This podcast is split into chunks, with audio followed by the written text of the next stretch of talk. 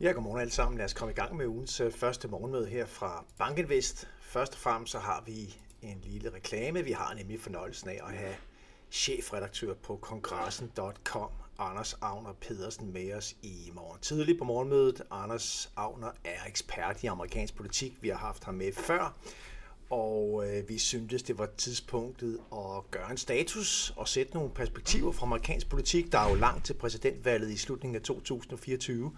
Men øh, det er jo interessant at øh, stille lidt skarpere på, hvordan øh, det fremtidige valg øh, tegner. Og øh, ja, som der står her, så går Biden jo efter et øh, genvalg, men øh, Trump ligner lige nu, og Trump ligner lige nu det bedste bud på den republikanske udfordrer, så det kunne tyde på en gentagelse af 2020-valget. Hvad er, det, hvad er det for en valgkamp, der tegner sig, og hvad kommer det til at betyde for USA og verden? Det er noget af det, som Anders Agner sætter fokus på i morgen efter vi har givet jer den sædvanlige opdatering kl. 8.15. Så vær endelig med der. Og tilbage til øh, markederne. Altså en flot afslutning på ugen på aktiemarkedet. Vi har det amerikanske S&P 500 op med 1,8 procent, øh, og vi har Stocks øh, 600 op med øh, 1,1 procent. Ikke desto mindre så flyttede aktiemarkederne så altså ikke ret meget i, øh, i sidste uge. Det gjorde renteniveauerne for så vidt øh, heller ikke, i hvert fald ikke på de 10-årige renter i USA og, og Tyskland. Øh, så hvis vi bare løfter perspektivet lidt, så var der altså en vis form for vadested på de finansielle markeder. Til trods for, at vi jo altså havde to centralbanker, der satte renten op med en kvart procent, Fed og ECB, og til trods for, at vi havde nogle øh, vigtige nøgletal, ikke mindst de amerikanske jobtal i fredags, som kom ud overraskende kraftigt. Det kommer vi lige tilbage til. Så alt i alt så, øh, så falder S&P 500 med moderat 0,8 procent i, øh, i sidste uge, og vi har øh, også det europæiske stok 600 nede med 0,3 procent. OMX Copenhagen Cap Index falder med 0,9 procent i, i sidste uge. Så det er jo ikke de store bevægelser som, som helhed, men vi havde vel at mærke en hel del volatilitet. Her i fredag så var det igen øh, IT, øh, de mere tech-orienterede selskaber, der trækker op. Vi har øh, S&P 500 Information Technology sektoren op med hele 2,7 procent, og det skyldes ikke mindst øh, Apple, der kom ud med regnskab sent torsdag. Og øh, det var pænt, og Apple stiger med knapperne op 5% i, øh, i fredags. Så vi har altså IT-sektoren op 2,7. Øh, og alt i alt, så er det den sektor, der, der viser stigninger i sidste uge. Den stiger nemlig med 0,6%. Healthcare med beskeden 0,1%. Og så har vi efter, ellers lidt tilbagefald på de forskellige sektorer i, i S&P 500, som vi ser det her allermest med energi, nede med knap 6 procent. Der er pres på oliepriserne, og vi har også financials, det er bankerne, der falder med 2,6 procent. Tager vi lidt over til datoperspektiv på sektorerne i USA, så er IT-sektoren jo altså klart den stærkeste, med en stigning på hele 22,7. Big Tech har virkelig flyttet sig i USA, og det slår også igennem på communications, hvor vi jo har blandt andet Meta og, øh, og øh, hvad hedder det, Google Alphabet, selskabet, som, som også har vist kraftige stigninger, så communications er op med 21,6 procent. Så det er altså selsk, særskilt øh, big tech øh, rally, som, som vi har haft her øh, år til, til dato. Sidste uge var jo altså præget af et let pres på øh, de store aktieindeks, og det, der er sket nede i maskinrummet, det var, at, at temaet i den grad var rettet mod øh, de det regionale banksegment i USA. Vi havde rigtig meget pres på, på nogle af de her aktører, uh, PacWest og Western Alliance, men det der så sker her i fredags, det er altså, at disse svageste led i kæden, de, øh, de fik et nyt rebound. Vi ser, hvordan at uh, PacWest er op med over 80 procent, og Western Alliance er op med omkring 50 procent her i, i fredags. Det er blandt andet på nyheder om, at der altså er set øh, inflow af deposits, kontoindskud. I, der er i hvert fald tale om en overordnet stabilisering i flowet øh, ud og ind på, på konti i blandt andet øh, de her banker. Så øh, en vis øh, lettelse inden for, for det her banksegment, som jo altså virkelig, virkelig har været under pres, og hvor man nok må sige, at der stadigvæk er øh, en hel del øh, risici relateret til segmentet. Vi er nok ikke helt ude af, af skoven øh, endnu, og vi har altså heller ikke set myndigheder, der har taget større initiativer af det, som vi så tilbage i midten af marts måned, hvor vi jo dels havde misæren omkring øh, Silicon Valley Bank og, øh, og Signet, og, øh, og hvor myndighederne jo altså var ude og garantere til fulde øh, deposits i, øh, i disse banker, der så blev, øh, der så blev afviklet og, øh, og ultimativt øh, forretningsmæssigt overtaget af, af andre banker. Vi har altså også haft øh, First Republic ind over i samme skuffe. Men øh, rebound i, øh, i fredags, det er også med til at løfte hele stemningen. Vi må se, hvordan det går. Så har vi også på regnskabssiden, øh, der har vi fået rigtig mange øh, selskaber, der er fremlagt efterhånden. Vi er oppe på 425 selskaber i S&P 500 ud af 500, der er fremlagt, og vi har en samlet såkaldt earnings surprise på øh, 6,7 procent. Det er faktisk øh, ganske pænt. Nu har jeg ikke de tilsvarende tal med fra Stock 600 i Europa, men der har vi fået øh, omkring en, jeg mener det er omkring 250 selskaber, der har fremlagt regnskab der, og der ligger selskaberne altså også indtil videre med en rigtig, rigtig flot earnings surprise, stærkere faktisk end det, som vi, øh, vi ser i, øh, i USA. Men altså grønt lys over, over regnskabssæsonen, og vi har altså også kunne konstatere, hvordan at de fremadrettede indtjeningsforventninger, ja, de er øh, øh, stabiliseret og endda steget lidt. Øh, det her, det er 2023, earnings per share, der ligger på 219, og 2024, der ligger på 241 dollar. Der har vi altså været igennem et, et langt sådan dræn, et pres på de her indtjeningsforventninger, men den seneste tendens, det er en, en lille stigning, og lad os kalde det en form for stabilisering, understøttet af de seneste regnskaber, vi har fået. Og det er jo altså isoleret set øh, positivt for aktiemarkederne, det der kommer ud derfra.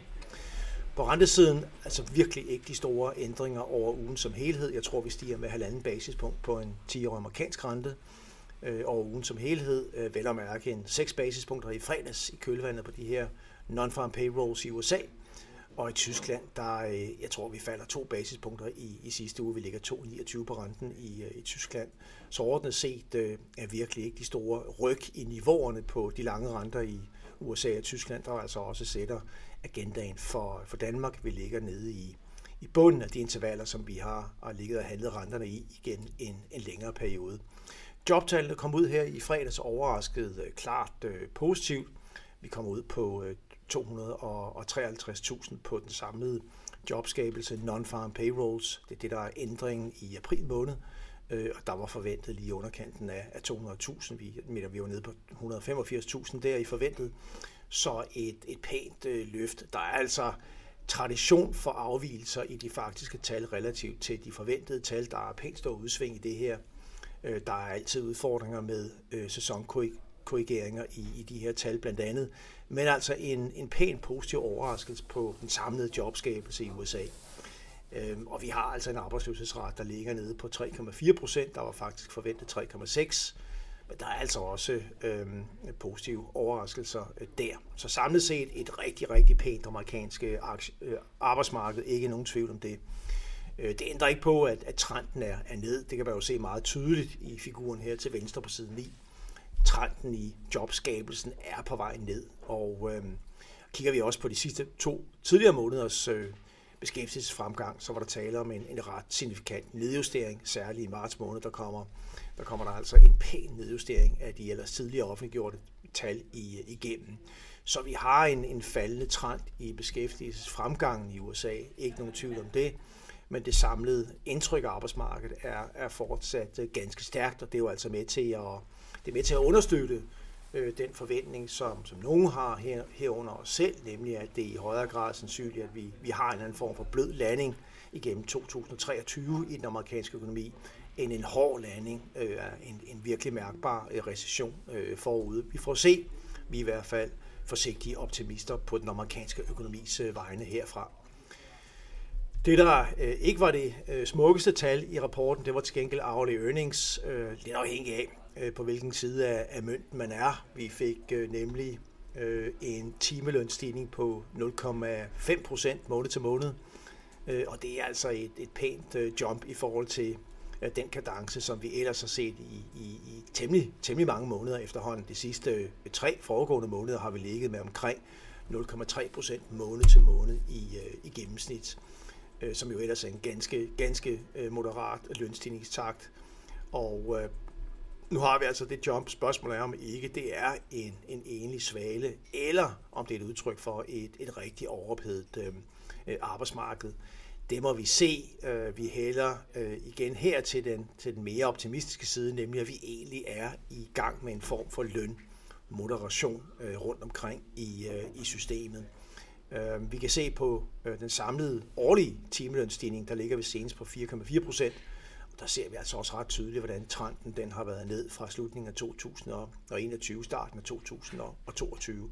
Så, så må det ikke det her, det var en, en ekstraordinær stigning i timelønningerne i USA. Det bliver i hvert fald spændende at se det næste tal om en måneds tid, som det altid er med de her jobtal. Og det samme gælder inflationstallene. Apropos i USA, der får vi, og det bliver nok ugens øh, i hvert fald økonomiske højdepunkt, øh, generelt rundt om kloden, der får vi nemlig CPI-tallet fra USA her på, på onsdag.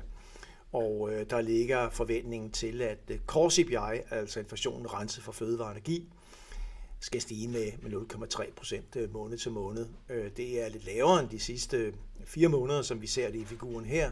Øh, det er tilbage på den kadence, der gjorde sig gældende øh, for en, en 5-6 måneder siden. Lad os se, hvad der kommer her, men det er jo afgørende for hele øh, rente pengepolitik perspektivet, og dermed også presset på økonomien, at inflation gradvis øh, giver sig. Så de tal, der kommer her på onsdag, det bliver virkelig, virkelig spændende at, at følge. Og så er der et andet tema, som, øh, som begynder at få stadig mere øh, kød på, øh, på kroppen, nemlig det her med gældsloftet i, i USA. Og altså finansminister Yellen er ude og advare øh, om en, en, en krisesituation, hvis ikke at myndighederne, hvis ikke at kongressen tager sig sammen til at få skabt enighed om et løft i det såkaldte øh, gældsloft. Og det som Yellen og company også har været ude at sige, det er, at øh, jamen altså, det er realistisk, at staten sådan set rammer gældsloftet og dermed i hvert fald teknisk set løber tør for penge per 1. juni allerede. Jeg kan forstå, at i morgen, der skal øh, Biden mødes sammen med øh, formændene for, øh, for de to krammer i kongressen for at se, om der ikke kan landes en, en aftale.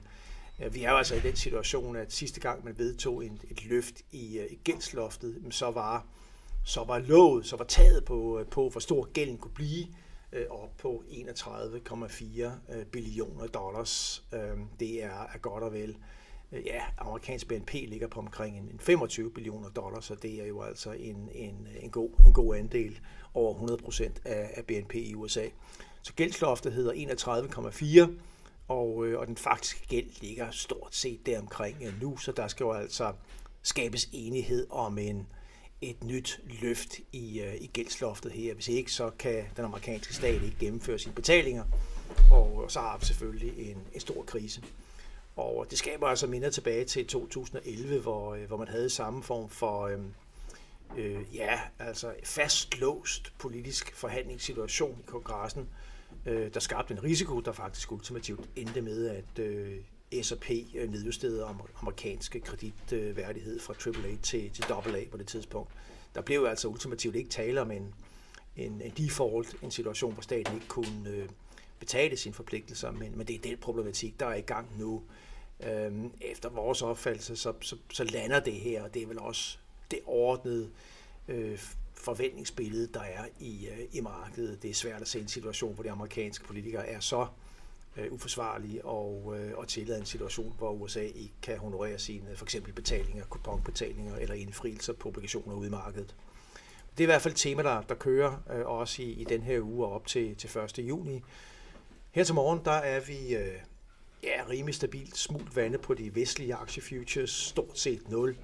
Og så har vi en god stemning i Asien, ikke mindst på Kina, hvor Shanghai-børsen er op med lige nu 1,8 procent, så der fortsætter de gode takter fra USA i, øh, i fredags. Vi har stabilt renteniveau, og vi har meget tyndt med data i, i dag. Vi skal frem til onsdag, før det rigtig batter med det amerikanske CPI-tal.